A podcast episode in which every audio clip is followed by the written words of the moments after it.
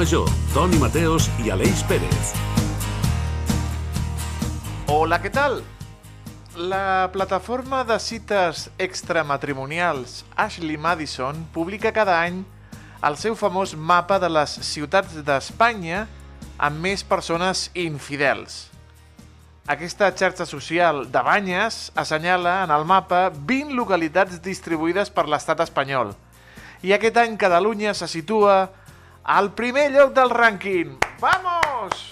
Tres ciutats catalanes són entre les 5 més deslleials. Vinga, per fi som capdavanters amb alguna cosa. Xupates, Ayuso! Al top 3 ho conformen Manresa, Girona i Barcelona, amb la capital del Bages com la ciutat amb més infidels de l'Estat. Completen aquesta llista ciutats com León, Toledo, Granada o Lleida.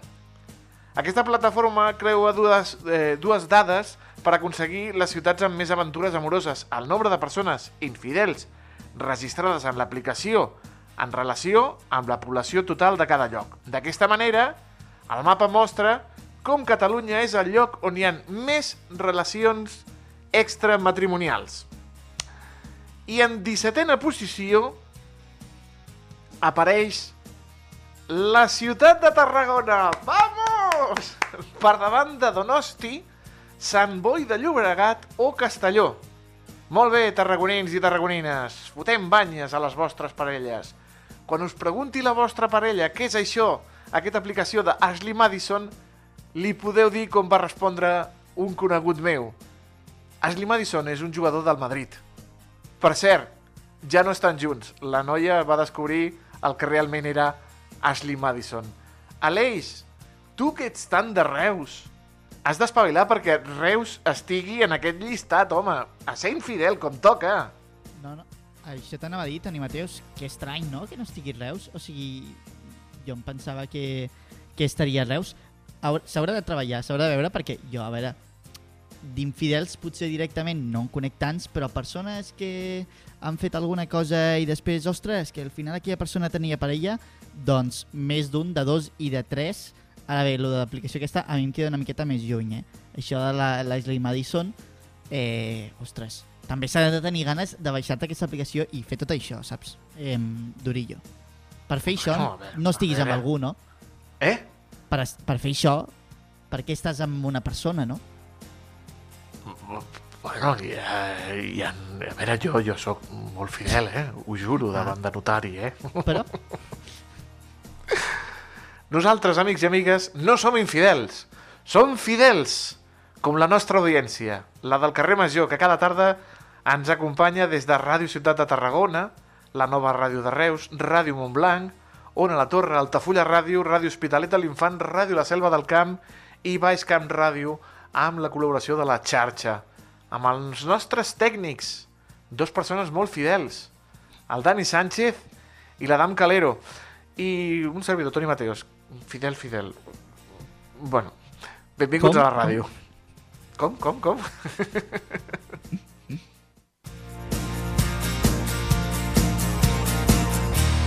Carrer Major, la proximitat del Camp de Tarragona. 50 anys de l'execució del Salvador Puig Antic, l'últim condemnat del franquisme a morir pel mètode del garrot vil i que es va convertir en un símbol de resistència i lluita contra el règim franquista. Dissabte és la data assenyalada de l'aniversari de la seva mort i aquests dies una de les seves germanes, la Carme, ha visitat la ciutat de Reus i aquest matí Aleix, els companys de la nova ràdio de Reus, heu pogut parlar amb ella una estoneta, no? Ha sigut un, un, una gran conversa, hem tingut doncs, la possibilitat de, de saber gairebé de primera mà no? doncs, com han viscut doncs, tots aquests anys i ha deixat eh, perles molt interessants, comentaris, jo crec que, que és important fer, fer aquesta memòria històrica de, dels fets que han passat. Doncs anem a escoltar aquesta entrevista amb la Carme Puigantic i aquestes són les seves paraules de record.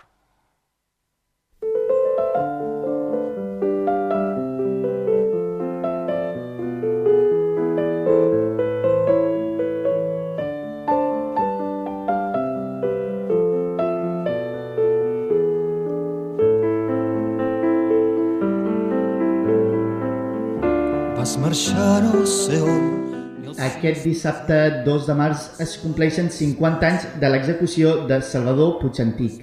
El militant antifranquista va ser acusat pel franquisme per l'assassinat del policia Francisco Anguas Barragán, mort en el tiroteig que es va produir durant la captura del jove activista. Puigantic va ser ajusticiat després de ser sotmès a un consell de guerra ple d'anomalies. Ens acompanya a l'altre costat del fil telefònic una de les germanes d'en Salvador, la Carme Puigantic. Molt bona tarda. Hola, molt bona tarda, o bon migdia. bona tarda. Entenc que 50 anys després, i inclús també des d'una altra vessant que no sigui la familiar, com veus la figura de, del teu germà, el Salvador? Bueno, veig que, que realment aquest, aquests 50 anys han sigut bestials, eh, molta gent ens ha ajudat, el Salvador tenim sempre present, la veritat, del 2 al 7, eh, fan, per exemple, l'obra de teatre que, que vam fer els juglars la torna, Després, un altre dia parlen els, els advocats que vam tindre durant tota aquella època.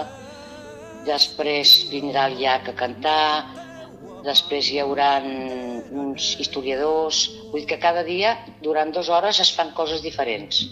Per tant... El Salvador el tenim super present. Per tant, hi ha hagut també una resposta, no? inclús també de, de, de la societat en, en aquells fets que van passar fa 50 anys, la, la, la resposta de la societat ha sigut mm, doncs, doncs, recordar la seva figura. Doncs sí, perquè durant els 15 anys, els primers 15 anys, no, no podíem parlar del tema, eh? En lloc, ni, ni quasi amb la gent, perquè era com un tema tabú. Llavors nosaltres el que fèiem era cada any posar una esquela que no ens deixaven posar assassí, assassinat o assassí, assassinat vull dir, um, per reunir-nos, tot i que no érem catòliques, bueno, que no, som, no anem a missa, eh, ens trobàvem allà la gent, amb l'esquela, posàvem l'hora i tal, i així no teníem que demanar ni permisos ni res. I venia gent, no, amiga nostra, coneguts, bueno, de tot, i fèiem pues, una xerrada. Perquè... I això ha sigut any, però clar, el dels 50, de veritat, eh, estem agotades. Inclús de, de totes les activitats no? i de, de tot el que s'està fent per recordar-lo. Espera, que no t'he entès ara. Tot el que s'està fent per recordar-lo, també. Sí, sí, ara, ara molt, aquests 50 anys brutal. Però tant, tant, tant, que no estem tan acostumades nosaltres a la tele i a la ràdio i als diaris. Estem desbordades, sort que som quatre, ens ho podem anar, anar muntant, però bueno, de veritat, eh? És, és que a més aquests dies és que ni, quasi ni pots dormir, saps? Sí, perquè també una mica el, el, el procés també, com ho heu viscut també la família, entenc que a, a, és, és complicat, no?, també assumir o viure o... No sé si la paraula inclús és normalitzar també a, a tot allò que va passar. Mira, jo la, la veritat és que normalitzar-ho no ho puc normalitzar, perquè només de la manera que el van matar, a Garrotville, jo això no ho perdono, no ho perdono, vaja, que no, que no, de veritat. Que és molt òbvia, que, que, que això és, és de l'època de la Inquisició, per favor. Ja. Això sí que és una cosa que portem totes les quatre a dintre que no, no, no podem normalitzar-ho. I també... Sí. Però, però costa, costa, la veritat. Clar, entenc també que hi ha hagut moments de, de tot, no? moments també complicats on s'ha hagut de fer molta feina. Ara també que és part de, del procés, no? també aquesta reivindicació i, i, i també el tema de la justícia, no sé ben bé com, com, com està aquest aspecte, que crec que la justícia argentina no? ha, ha, havia respost també com està aquest, aquest aspecte. Quan mira, sí, el, el, el mil, 1900, ai, el 1900. A veure, el, el 92, em penso, vam fer una... volíem fer la revisió, clar, Llavors vam anar al Constitucional, el Constitucional, el, ai, el Constitucional ens va dir que no, vam anar al Suprem i després vam anar a Estrasburg. I a Estrasburg la contesta escueta, diu, com que no, Espanya no era de la Comunitat Econòmica Europea, nosaltres mm, no podem fer res. Aquesta és la resposta d'Estrasburg, eh? així tal qual te la dic. Després, el 2005 hi vam tornar, una altra vegada. bueno, es van presentar mm, quantitat de, de proves que el judici que es va fer el dia 8 de gener amb els militars no ens van deixar. O sigui que aquell judici va ser bueno, una farsa, però molta farsa, eh? I, i a més no van, els, testimo, els testimonis no van poder declarar. O sigui que, bueno, és que més clar l'aigua. El, el senyor Anto, ai, el, el policia, en comptes de fer-li l'autòpsia a l'hospital clínic, la van fer en una comissaria. En una comissaria no es fa autòpsies. No es fa autòpsies perquè no està preparat. Si necessites una taula, necessites una manguera d'aigua, necessites diverses coses. Amb una... Llavors era per, per lo dels trets del policia, saps? Perquè no volien, no volien dir la veritat. I així és. Ja, ja m'he perdut, ara ja m'he posat... No, no, sí, sí, sí. Que al, al, al final també no, van, van passar uns fets que no van estar gens clars i a part també doncs, doncs en un context no, històric on també inclús va haver-hi la, la mort no, aquí a Tarragona, l'execució del George Michael Belzel a, aquí a Tarragona, que també una mica va, va servir inclús per, per tapar, no? Va ser un, un, un, una època doncs, molt complicada també. No sé si manteniu contacte amb, amb algun familiar de, del, del Belzel o una mica també com ha estat aquesta, aquesta relació. Bueno, no t'ho perdis, és que això és fort, eh? Uh, hi ha un, un periodista de València que es diu Raül Riambauer que, mm, que va dir, bueno, jo, jo m'he de posar amb aquest tema del, del nano aquest perquè, bueno, és que no pot ser. La família no ho sabia. No sabien res la família, ni la dona, ni els tres fills, ni els germans. Uh, era un altre nom. El Henchester, recordes? Sí. Que es deia Henchester primer? Sí. Vale, després és el, el Georg. Bueno, mm, allò va ser com la torna, saps què és la torna? No, no, què és la torna? Doncs pues mira, quan per exemple abans anaves a buscar el pa i faltaven 100 grams, que no arribava a la barra 100 grams o 200, et tallaven un tros de, de barra per fer exacte el pes. Sí. I això es diu la torna. Doncs això ha sigut el mateix amb el Hedgehog, ai, amb el Georg. Dos delinqüents, saps? I, I així ells es queden de mar de tranquils. I també, clar, perquè també al final hi havia el, tota la, la, la, la vessant de- de- d'activisme no? de, de, del Salvador, de Salvador Puig Antic, amb, amb el Mil també, al final l'acusació aquesta va ser una reacció, no? Sí, sí, no, i a més va ser també a partir del Carrero Blanco, eh? Sí. Va ser una mica el, el detonant. Oh, i tant, oh, i tant. Jo crec que si no haguéssim matat el Carrero Blanco, la ETA, el Salvador estaria encara amb nosaltres. És que, de veritat, eh? I poso la mà al foc, mira el que et dic. Jo crec que això ho, ho diu tot. També, tornant una mica al, al dia, no? Avui a, a les 7 de la tarda, d'aquí una estona també, feu a la sala Amigó del Ramon Amigó del Centre de Lectura una, un, una xerrada, un acte també que hi trobarà la gent que hi vulgui fer cap. No, que, que nosaltres avui no podem, perquè l'Ajuntament de Barcelona fa un homenatge al Salvador, sí. allà al Salvador Font. I clar, no podem... Ja hi Està tenim tota l'hora. quatre. Eh? No podeu estar tota l'hora, perquè és això que dèiem, no? Tots els actes. Demà hi tenim que anar a les 4, vull dir que, que no, no, no podrem. No podrem. També... Però bueno, hem parat, eh? Vull Sí. dir que... I tornant també una mica a la, a la causa judicial, teniu esperances de que, de que es pugui canviar, de que doncs, pugui ser també doncs, doncs, doncs remarcat almenys aquí a, a l'Estat eh, l'assassinat de, del Salvador? No. Hi ha un mur que no podem passar. No, no, no, això no tira endavant. Ens diuen que no a tot. Que Ens hem, ens hem de mirar per bé, eh? Sí. Res. Ni socialistes ni, ni res. Clar, això anava a dir perquè el, alguns dels actes no, que heu anat fent durant aquests dies també hi ha hagut discursos, hi ha hagut suport tant de, de la Generalitat i de, i de, i de, i de, de ministres, no? que es fa també una mica incongruent que estiguin als discursos i estiguin als actes i després doncs, no es pugui revisar aquesta, que- que- que- aquest, aquests, doncs, no, aquests fets. Ja, però és que clar, com que ja, és- això és Espanya. És Espanya. Llavors no, no, no ens fan cas. No, Ministres no, no n'ha vingut cap, eh? La, No, la, la gent d'aquí del, de la Generalitat. Mm. Consellers, diputats, però tots aquí, tots a Catalunya. I això, què, què, què us han dit tota, tota aquesta gent? Perquè entenc que els hi transmeteu també la, la vostra preocupació i el, el vostre, el vostre doncs, doncs rebuig en aquest aspecte. Sí, però bueno, què vols que facin ells? Ells no poden decidir, de moment.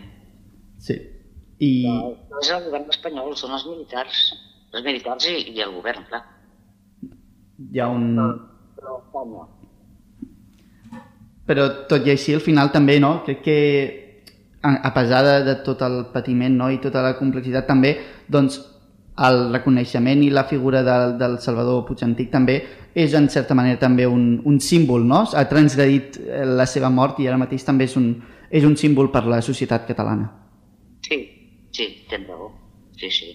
No, no, realment, nosaltres no haguéssim pogut fer res. Vull dir, la gent ens ha ajudat molt. La, la veritat. Vull dir, I la pel·lícula ha ajudat moltíssim. I quan vam sortir al 30 minuts, fa ja no sé quants anys, amb l'Escribano, que després va fer el llibre mm, enrere, si- Hi ha hagut molts periodistes no? i molta gent també sumada a la causa. Un d'aquests també el, que a casa nostra, al Camp de Tarragona, és Xavier Joan Pere, que també va ser col·laborador d'aquesta emissora, el Xavier. No sé si també recordes tota la feina que va fer. El recordo moltíssim, moltíssim, perquè a més ens va fer molt amics i, i és que era un home tan bo, de veritat. És que era tan bo, el Joan Pere, de veritat. Sí, nascut a Vilaplana va traspassar l'any 2019, però també va estar, va estar doncs, doncs dia a dia no? amb, amb aquesta causa. Oh, i tant. I quan venia aquí a Barcelona estàvem hores parlant del Salvador. Sí, clar, i va fer el llibre també, no, no.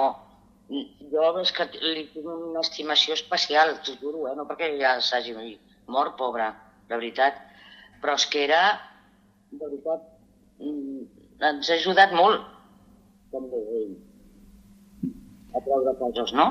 Sí. I també és, és important no? també posar noms i cognoms i humanitzar tota aquesta gent que, que doncs, o ha patit repressions o també ha ajudat a, a, a, a doncs, aixecar no? de sota terra gairebé diguem aquestes injustícies. Exacte, sí, sí, sí, sí, i tant, ell sí, molt, molt. I, Molt, molts escriptors, eh, molts. i tant, Quants llibres? ja m'imagino.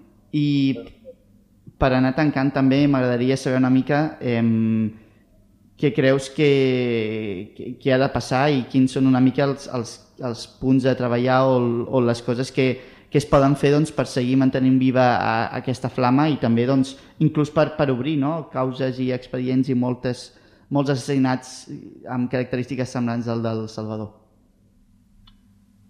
Bueno, mm, ja m'agradaria que, que hi hagués una petita escletxa per dir va, anem per aquí, no?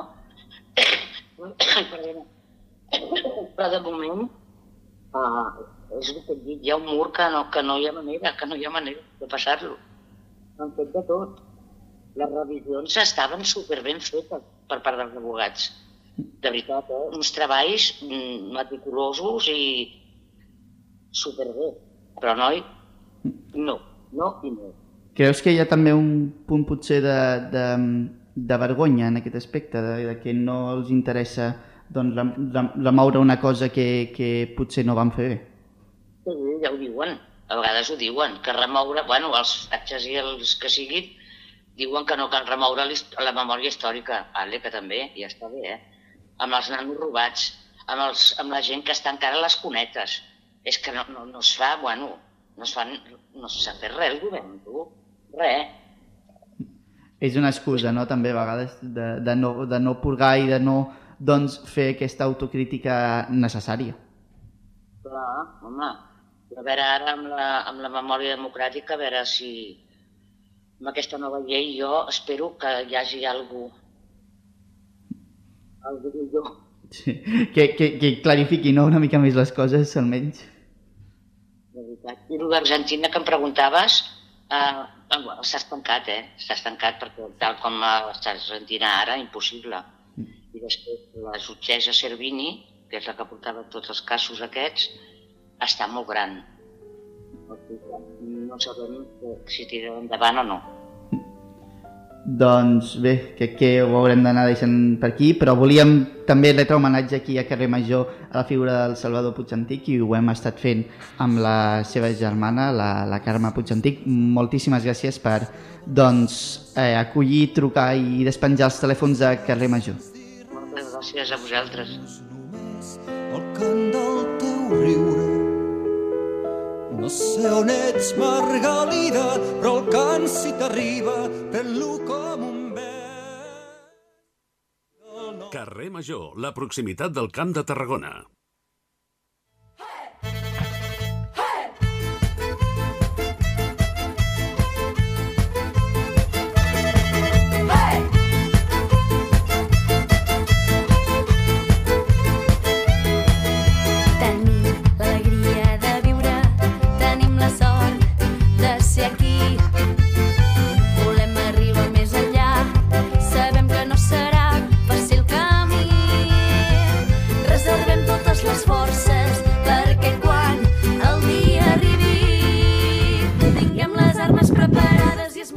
Doncs vinga, nosaltres continuem. Setmana clau, aquesta que s'acosta la setmana vinent, la setmana del 8M.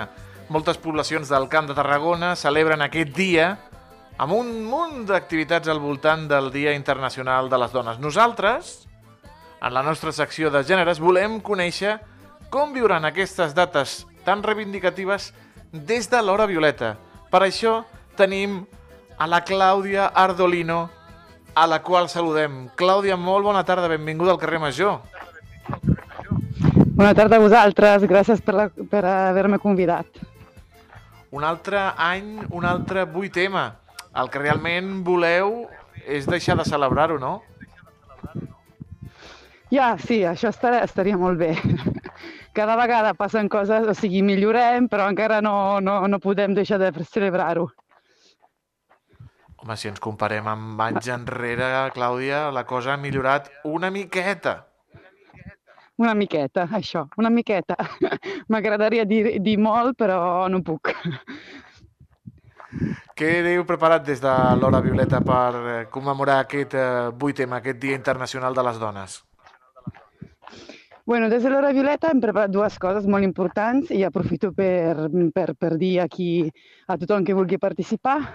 Doncs el 7 de març, la nit abans del 8 de març, fem una, una manifestació a Reus mateix. Llavors ens trobem al carrer Mata a les 8 de la nit i anirem passant per els llocs que per nosaltres són molt importants, que són els llocs de la salut, de la cura, els llocs de, de, la, de la universitat, d'on han, bueno, d'allà han, han denunciat molts casos de, de, de violència masclista i anem fent, també hi haurà una part festiva que no us diré perquè heu de venir, heu de viure vosaltres, que val la pena. I sí. després, amb la plataforma de la, de la, del camp de Tarragona, hem organitzat el 8M. Llavors, doncs, serà en, en, a Tarragona i llavors hi haurà dues coses molt importants. A les 12 començarà la mani i després hi haurà una, una trobada més tard. Llavors, allí també ens agradaria o sigui, tenir una, una participació molt alta.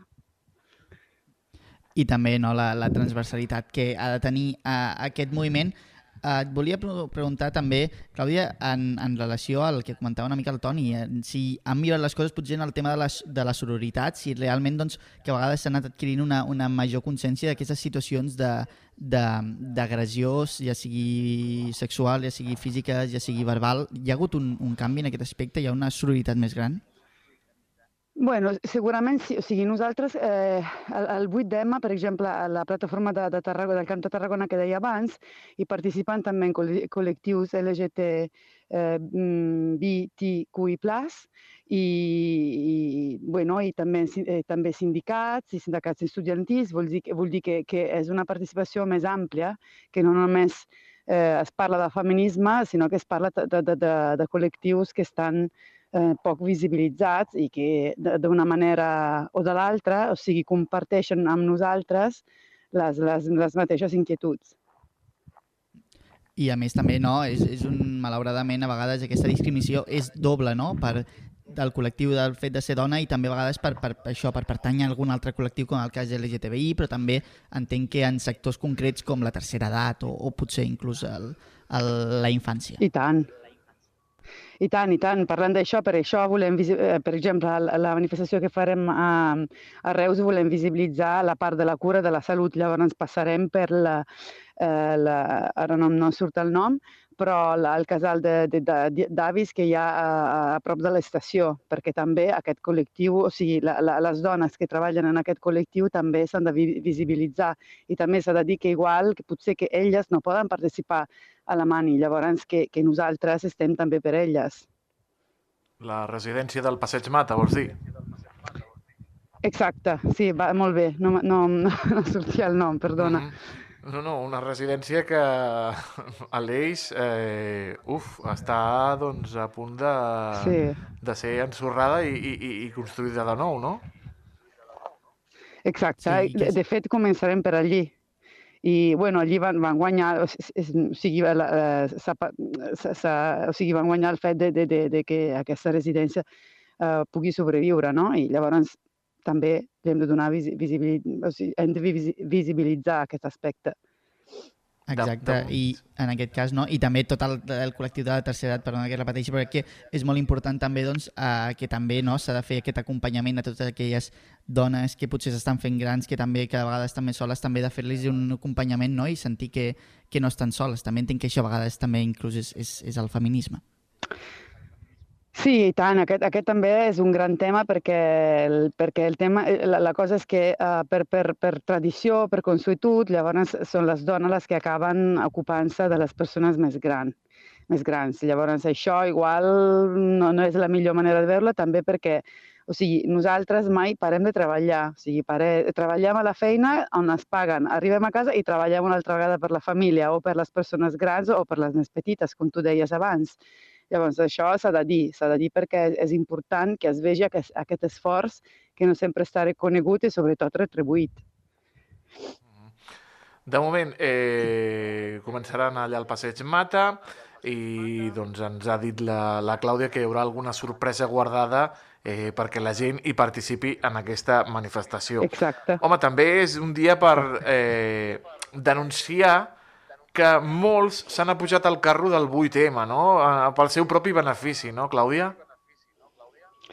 Bueno, sí, sí, també eh, això s'ha de dir. S'ha de dir també, o sigui, amb això jo crec que, que el, el tema és més que res que, que el, el feminisme s'ha institucionalitzat. D'aquesta manera, realment, s'han utilitzat els nostres lemes, les nostres maneres de veure, de veure les coses, però només per, per al que interessava a, a l'institució. Eh, llavors, el feminisme no és només el 8M d'una frase i per agafar vots, sinó que és una cosa molt més... O sigui, és una lluita que dura tot l'any, cada dia, cada dia, cada dia. Eh, bueno, hi ha moments com el 8M, eh, el 25N, on sortim al carrer, però nosaltres treballem cada dia sobre això. I a vegades eh, aquestes frases i punto que no, no tenen darrere, darrere cap, cap tipus de, de, de contingut, bueno, nosaltres ens, ens allunyem d'això, evidentment. Exacte, no? perquè a més també és una causa on tothom no? que, que sempre pot aportar, aportar més i, i, i, i fer-ho millor, en el cas potser dels, dels, dels polítics, no? també més enllà dels discursos, també en accions i en promoure doncs, programes i, i, i mocions que permetin doncs, el benestar de, de, de les persones. I, I tant, i tant. O sigui, el- eh, la, la qüestió és que eh, o sigui, el feminisme, eh, eh, eh, o sigui, a nosaltres ens agradaria que aquestes manifestacions, per, manifestacions, però en general, o sigui, que el nostre discurs es, fessi més ampli, o sigui, que, que tothom pugui gaudir del discurs que fem, perquè segurament, com he dit abans, la qüestió de les dones con, eh, i, de les cures, segurament la família, en el moment en el qual eh, es- estigui més, més responsabilitzada de, de que, bueno, que hi ha un problema, que no només les dones han de, han de carregar amb això, tothom gaudiria més de l'espai, vull dir.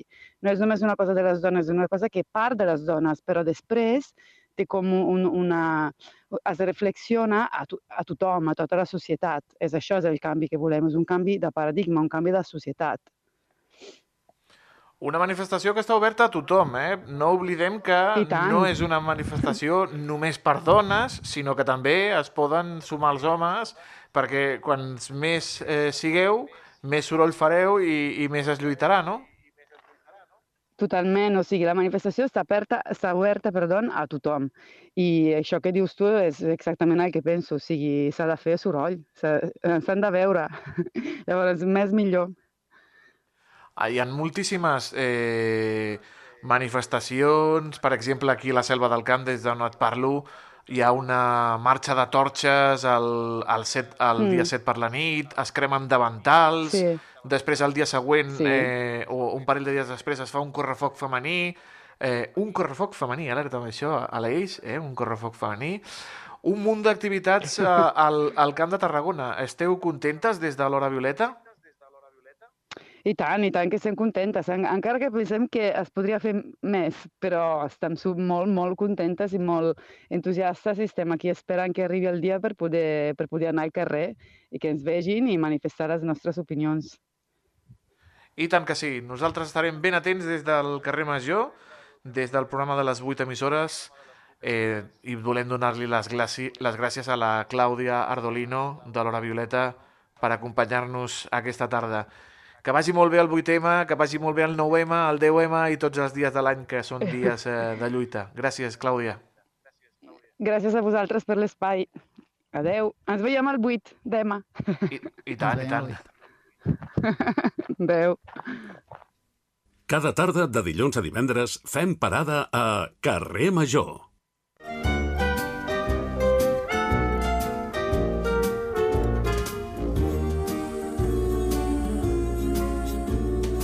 Hay un amigo en mí. Hay un amigo en mí.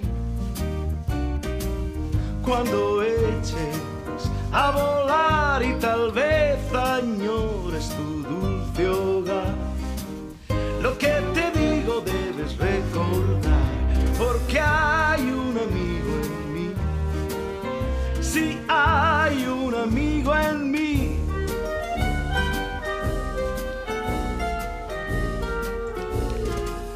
Hay un amigo en mí. Ai, Aleix. Ai, Ai, Aleix. T'ha agradat la Aleix, cançó Aleix, amigo. escollit? T'ha agradat? M'encanta perquè anem a parlar d'ODS, anem a, a parlar de Pet Friendlies, i la secció favorita de les meves gates, de la Maralla i de l'Aureo, que quan els he dit que avui parlarien d'aquests amics dels animals, d'aquests eh, amics de les mascotes, estaran a casa amb les orelles així ben posades al transistor. Amb Doncs- qui parlarem avui, ODS? Sí, doncs no les farem esperar més i és que avui fem una parada en una iniciativa que va arrencar tot just el dimarts i que està omplint els comerços i els edificis de Torre d'Embarra d'animals de companyia i és aquest Torre d'Embarra Pet Friendly que fa accessible l'entrada als animals. Per parlar-ne tenim ja els estudis de Ona la Torre, la regidora de Benestar Animal, l'Anzi Muñoz, i a la qual saludem. Molt bona tarda, senyora Muñoz. Bona tarda i moltes gràcies per aquesta sintonia tan encertada per l'ocasió. Ens ho passem molt bé també aquí a Carrer Major escollint les cançons. Expliqui'm, regidora, com va sorgir aquesta iniciativa? Bueno, aquesta, aquesta iniciativa primer, primerament és perquè existeix una, una gran demanda sobre, sobre aquest tema des de fa molt de temps a, al nostre municipi. Eh, igualment, les persones que som animalistes eh, hem d'aprofitar la sensibilitat regnant actual envers els animals de companyia perquè bueno, no sempre tenim oportunitat de, de donar veu a aquells que, a aquells que no la tenen. No?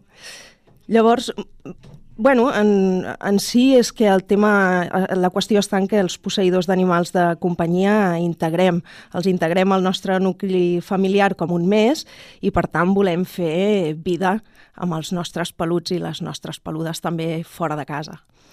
Un... I bueno, l'objectiu L'objectiu en si doncs, és normalitzar la presència dels animals de companyia en, en entorns on fins ara estava restringida. No? I els comerços ha tingut una molt bona acollida, la veritat. Creuen que és una iniciativa que els permetrà fidelitzar un tipus de client que fins ara potser es quedava a casa o marxava fora, a llocs on, on sí se'ls hi permetia l'accés I vam creure des de l'Ajuntament que per demostrar que som sensibles, empàtics i empàtiques i amables, no? com dèiem l'altre dia a la presentació, doncs primer de tot hem de donar exemple des, de, des del propi consistori. I també això ha sigut el propi consistori, no? amb una vintena d'edificis municipals, 35 establiments. déu nhi també, jo crec que és, és, és important no? aquest, aquest reconeixement, no? que potser hi ha molts espais que ja eren sensibles no? o donats a ser pet-friendly i ara amb aquesta designació, no? amb, aquest, amb aquest enganxina, doncs ja es farà visible a tota la gent que pot entrar tranquil·lament amb els seus animals de companyia. Sí, exacte. Nosaltres ara, aquesta setmana vinent, farem el repartiment de, de tots els adhesius per tots els, els comerços i els operaris també mediambientals faran el propi amb els edificis municipals, eh, l'Ajuntament, la policia local, la casona de turisme, el patronat Antoni Roig, Eh, important també no destacar els patis de les llars d'infants i les escoles i una de les grans demandes que teníem era l'espai que, que envolta la zona esportiva eh, les grades del camp de futbol, el pavelló, no? Eh, sí que està prohibit, que això sí que volia fer una miqueta d'incís, en el cementiri, en les pistes del camp de futbol eh, de la gespa, vaja, eh, les, les piscines, sobretot, perquè a més la llei no ens ho permet, eh, i a l'interior dels centres escolars però destacar que si esdevenen col·legis electorals, doncs durant aquella jornada sí que s'hi podran passar. I, bueno, com deies, doncs, hi, havia, hi ha espais no? que, que ja eren sensibles amb, amb aquest tema. Eh, a nivell municipal tenim la biblioteca, que és on vam, on vam decidir fer la presentació d'aquest projecte perquè ja portaven molt de temps deixant passar els animalons, a banda doncs, eh, ells ja tenien una secció de flora i fauna i feia ja una temporadeta doncs, que havien separat aquells llibres que eren més de temàtica de les mascotes i han fet un, una secció especial i bueno, doncs, mitjanament aquesta és una mica el que seria un, un repàs d'aquells edificis municipals on s'hi pot passar. Sí, tam i també voldria fer incís també la regidora Muñoz, i és que Ona la Torre, no? la, la ràdio, també és pet-friendly, ho acabo de veure, i jo acabo de veure que la ràdio és pet-friendly, no sé si l'Anna Plaza, li preguntarem a la reunió de després, si l'Anna sí, Plaza també pot portar el seu animal de companyia també a, a treballar amb ella us vull comentar una cosa. Aquí a Ona la Torre hi ha un programa que a mi em va fer molta gràcia perquè me van passar la foto eh, pràcticament in situ. Hi ha un programa que es diu No som ningú, que eh, va penjar una, una història a Instagram amb el primer locutor caní de la història de la ràdio a la Torre i jo diria que més enllà també. Ui, no, I... aquí a la selva ja tenim un locutor caní, sí? eh? Vam tenir, un, vam tenir un locutor caní, sí, sí, sí, sí. Vaja, i teniu també, perquè a mi m'ha sorprès, he entrat aquesta tarda aquí als estudis i el primer que m'he trobat és un abreurador i una joguina, o sigui que molt contenta també, eh? Estem parlant llavors que on la torre és pet friendly, o sigui, eh, qualsevol persona Ai, hola, que... hola Anna, cert qualsevol persona que, que, que vulgui doncs pot entrar tranquil·lament amb el, amb el seu animal de companyia. Hi ha alguna mena de, de requisit per poder accedir a tots aquests espais, regidora? Sí, eh, t'explico.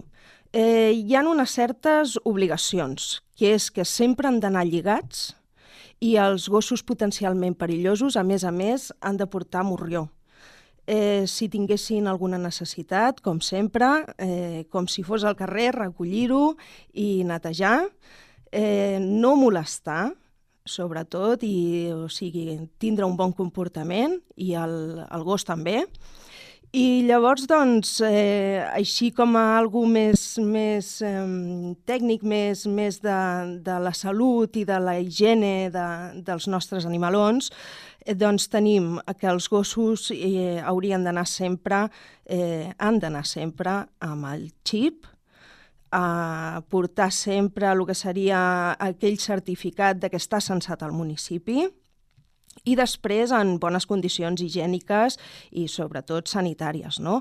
Pensem, l'altre dia ho comentava, que tenim uns 1.200 eh, animals de companyia sensats aquí a la torre, però que quan, quan fem un, una valoració, un estudi amb, els, amb el que serien els registres de, del Col·legi de Veterinaris veiem que tenim 2.650 animals xipats, amb el que encara ens queda molta feina per fer perquè el 60% d'aquests animalons no, no es censen a l'Ajuntament, no? Llavors, sí que és important perquè jo faig sempre molt d'èmfasi amb el tema de no molestar, del bon comportament, de, de si, si tenen alguna necessitat recollir-ho i netejar, no? Eh, primer de tot hem de recordar que l'acompanyant humà sempre som els responsables dels desperfectes, les molèsties o la brutícia que, que puguin causar. Però a banda hem de ser conscients també i aquesta és una de les assignatures que potser tenim alguns dels, dels posseïdors d'animals de, de companyia. Aquí a la torre hi ha moltes bandes, eh? eh que és que eh, és cert que donem veu eh, i donem un pas en el que seria els drets de, dels animals, però no hem d'oblidar que eh, aquelles que els acompanyem, aquells i aquelles que els acompanyem, tenim unes obligacions i que no aconseguim més acolliment de les restes de persones que potser no són tan pet-friendly com nosaltres, precisament pel tema de, de l'incivisme, no? Per tant, és important sempre recalcar aquest, consum, aquest, aquest ús responsable, no? aquest, aquest ús responsable de les instal·lacions per part dels propietaris sí. en relació amb els animals. Doncs bé, per anar tan, tancant ja l'entrevista, eh, entenc que estan oberts a, a més comerços no? que es vulguin adherir a, a la causa. Què han de fer? Sí, de fet, el, el dimarts eh, tancàvem amb 35, amb 35 comerços i ja en portem 45, això vol dir que, que la cosa està anant prou bé.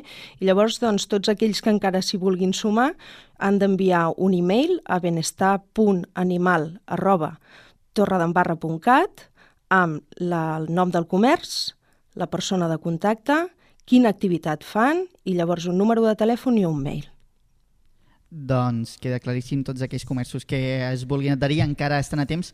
Moltíssimes gràcies, eh, Angie Muñoz, regidora de Benestar Animal de l'Ajuntament de Torre d'Embarra, per aquest temps, aquesta estona, i bé, esperem veure molts animals de companyia per una de Torre i per molts altres espais de, del municipi.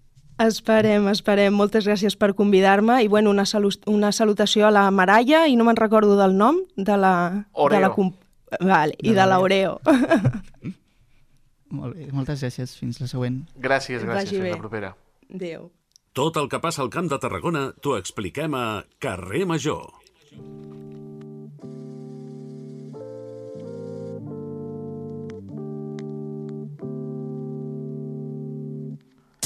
Les meves gates també són molt fans, molt fans de la secció del David Fernández, aquesta banda sonora del camp, no?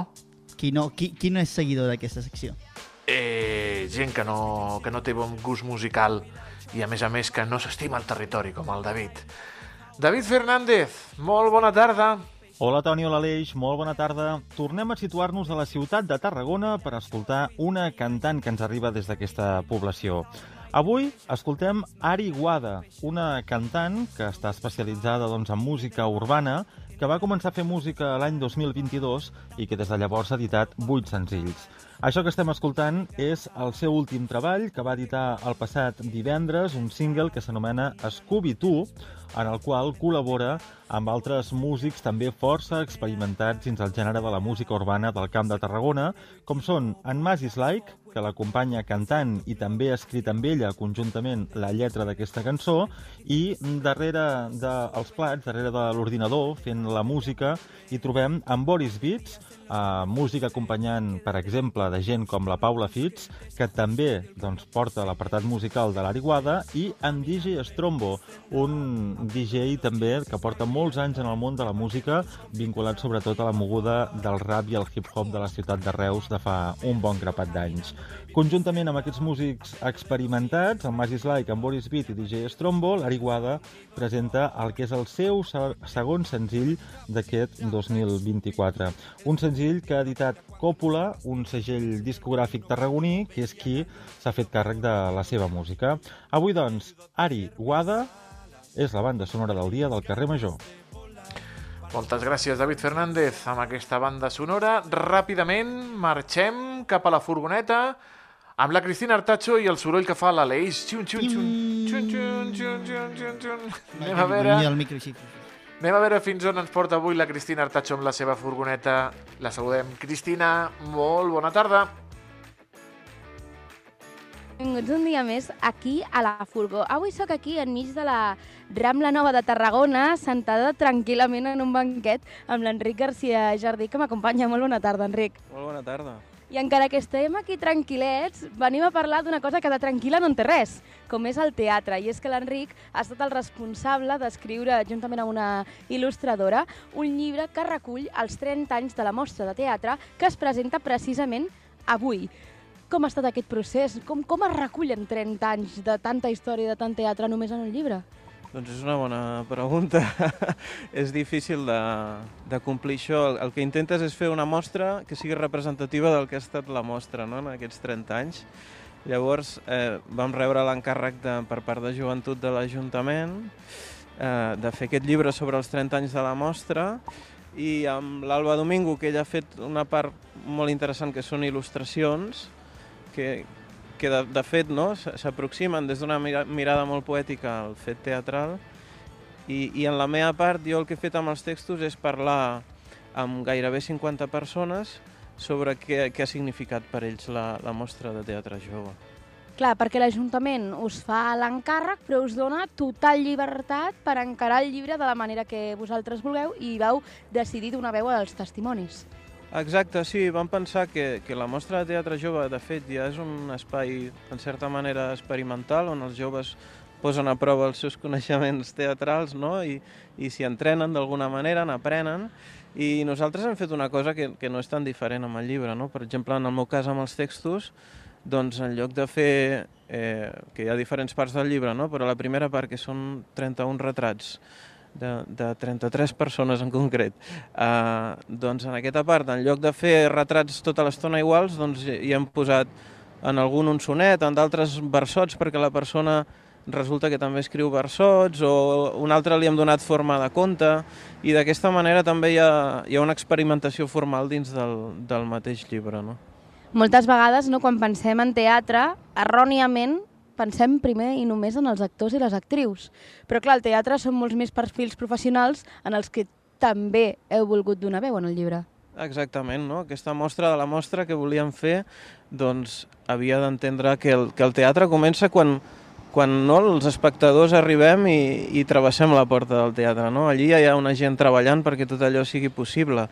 I aleshores el que hem fet és, és donar veu no només a, a persones que es dediquen a la interpretació, sinó gent que es dedica al màxim eh, d'aspectes possibles del teatre. No? Per tant, també hi ha tècnics, també hi ha gestors culturals, també hi ha una persona que durant 28 anys eh, té un mèrit, ostres, 28 anys seguits allí anant cada any a veure la mostra sense tenir-hi tampoc cap lligam familiar. No? Per tant, tenim el públic, tenim els tècnics, tenim eh, la gent que hi actua, directors, escriptors, professors de teatre. Hem intentat eh, englobar el màxim de gent possible perquè sigui el més representatiu de, del que és el teatre realment. No?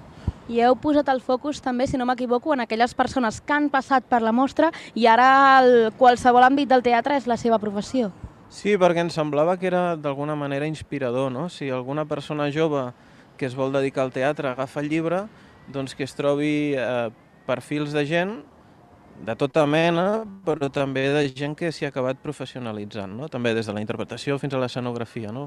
però, però que tinguin també, que vegin que allò que ells somien és, és possible no? I, i que per tant doncs, hi, ha, hi ha camins per, per intentar-ho, clar que sí.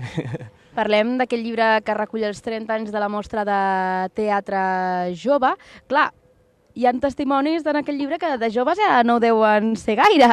Com ha canviat la mostra des dels seus inicis, no? amb aquests testimonis, no va dir antics, però no antics, més adults o més experimentats, fins ara no, els que hi són ara a peu del canó. No ha sortit molt bé, eh, d'això de la paraula joves. També tenim un avantatge que sembla que les societats cada cop estiren més el concepte jove, no? Per exemple, jo que ara en tinc 31 i en faré 32, hi ha gent que diu que sóc jove encara, no? sí, però, home, ja com comencen a passar els anys.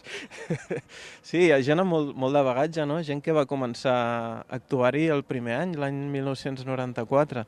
Per tant, són gent, ja, ja han passat 30 anys, ja tenen unes edats ja me, me, són més grans però això també aporta un bagatge que és molt interessant no? pels joves, poder veure aquestes trajectòries. Jo crec que era un, un dels temes interessants del llibre. Què ha donat la mostra a la gent no? que, que hi ha passat? No? Quin, quines portes ha, ha obert? I t'adones que n'ha obert moltíssimes. És diferent el teatre aquí a Tarragona o és més accessible o més fàcil fer teatre a Tarragona ara en comptes de fa 30 anys? És una bona pregunta i els veterans te, te la respondrien millor que jo, però pel que he pogut parlar amb ells, clar, estem parlant que als anys 80 aquí hi havia una escola d'art dramàtic, no? la Josep Ixart. També va donar un, un bagatge, un recorregut enorme, no? En, en molts pocs anys això ho van perdre. Ara l'Institut Antoni Martí Franquès ofereix un, un curs de formació professional vinculat amb les tècniques teatrals. Això jo crec que hi ha hagut, no, com a la història, com en tantes altres coses, hi ha oscil·lacions. No? El que està clar és que dins del que hagi passat en el panorama teatral tarragoní i en les opcions formatives que hi ha o no, o no hi ha hagut, eh, la mostra de teatre s'hi ha mantingut durant 30 anys, no? i això també la fa especial, perquè aquesta continuïtat el que garanteix és que cada any no, hi hagi un grup de persones joves que digui ei, per què no ens hi presentem? No? I que l'any següent s'hi puguin tornar a presentar, perquè això també serà el que facilitarà que tinguin un itinerari, que vagin aprenent i que vagin millorant. No? Parlem de que per fer aquest llibre no, has, hi ha una cinquantena de testimonis. Parlem no, d'aquesta evolució i de les diferències a la millor del teatre de fa 30 anys i ara, però hi ha algun tarannà, alguna opinió que diguis, ostres, doncs es repeteix i continua vigent des de 30 anys fins ara? Sí, el, el neguit, per exemple, teatral de les persones que actuen, no? Jo crec que hi ha molts punts en comú, no? Per què actua una persona, no? Per, I molta gent et diu, per posar-me en la pell d'altres personatges, no? Per, per aproximar-me a vivències que jo no he viscut, no?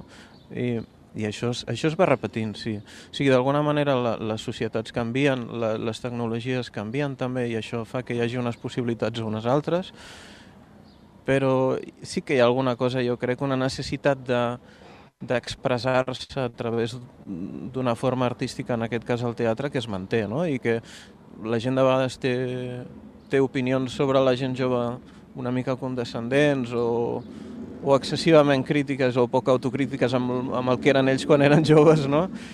I, I en canvi jo crec que el que veus és que hi ha inquietuds culturals, hi ha inquietuds artístiques i això, i això s'aguanta, sí, es manté i tant podríem dir, després d'escriure aquest llibre, tu pronostiques una llarga vida per la mostra de teatre jove? Espero que sí. A més, si així d'aquí 20 anys volen fer el llibre dels 50 anys, també puc estar disponible. Però sí, sí, jo crec que sí. Ja... De fet, ja l'any passat no sé si hi havia 11 o 12 companyies actuant, per tant hi ha, hi ha nervi, hi ha, hi ha ganes de fer teatre. El que sí que s'ha... Com deia molt bé un, un dels tècnics que vaig entrevistar, el, el Toni Martí, un gestor cultural, deia la mostra s'ha consolidat.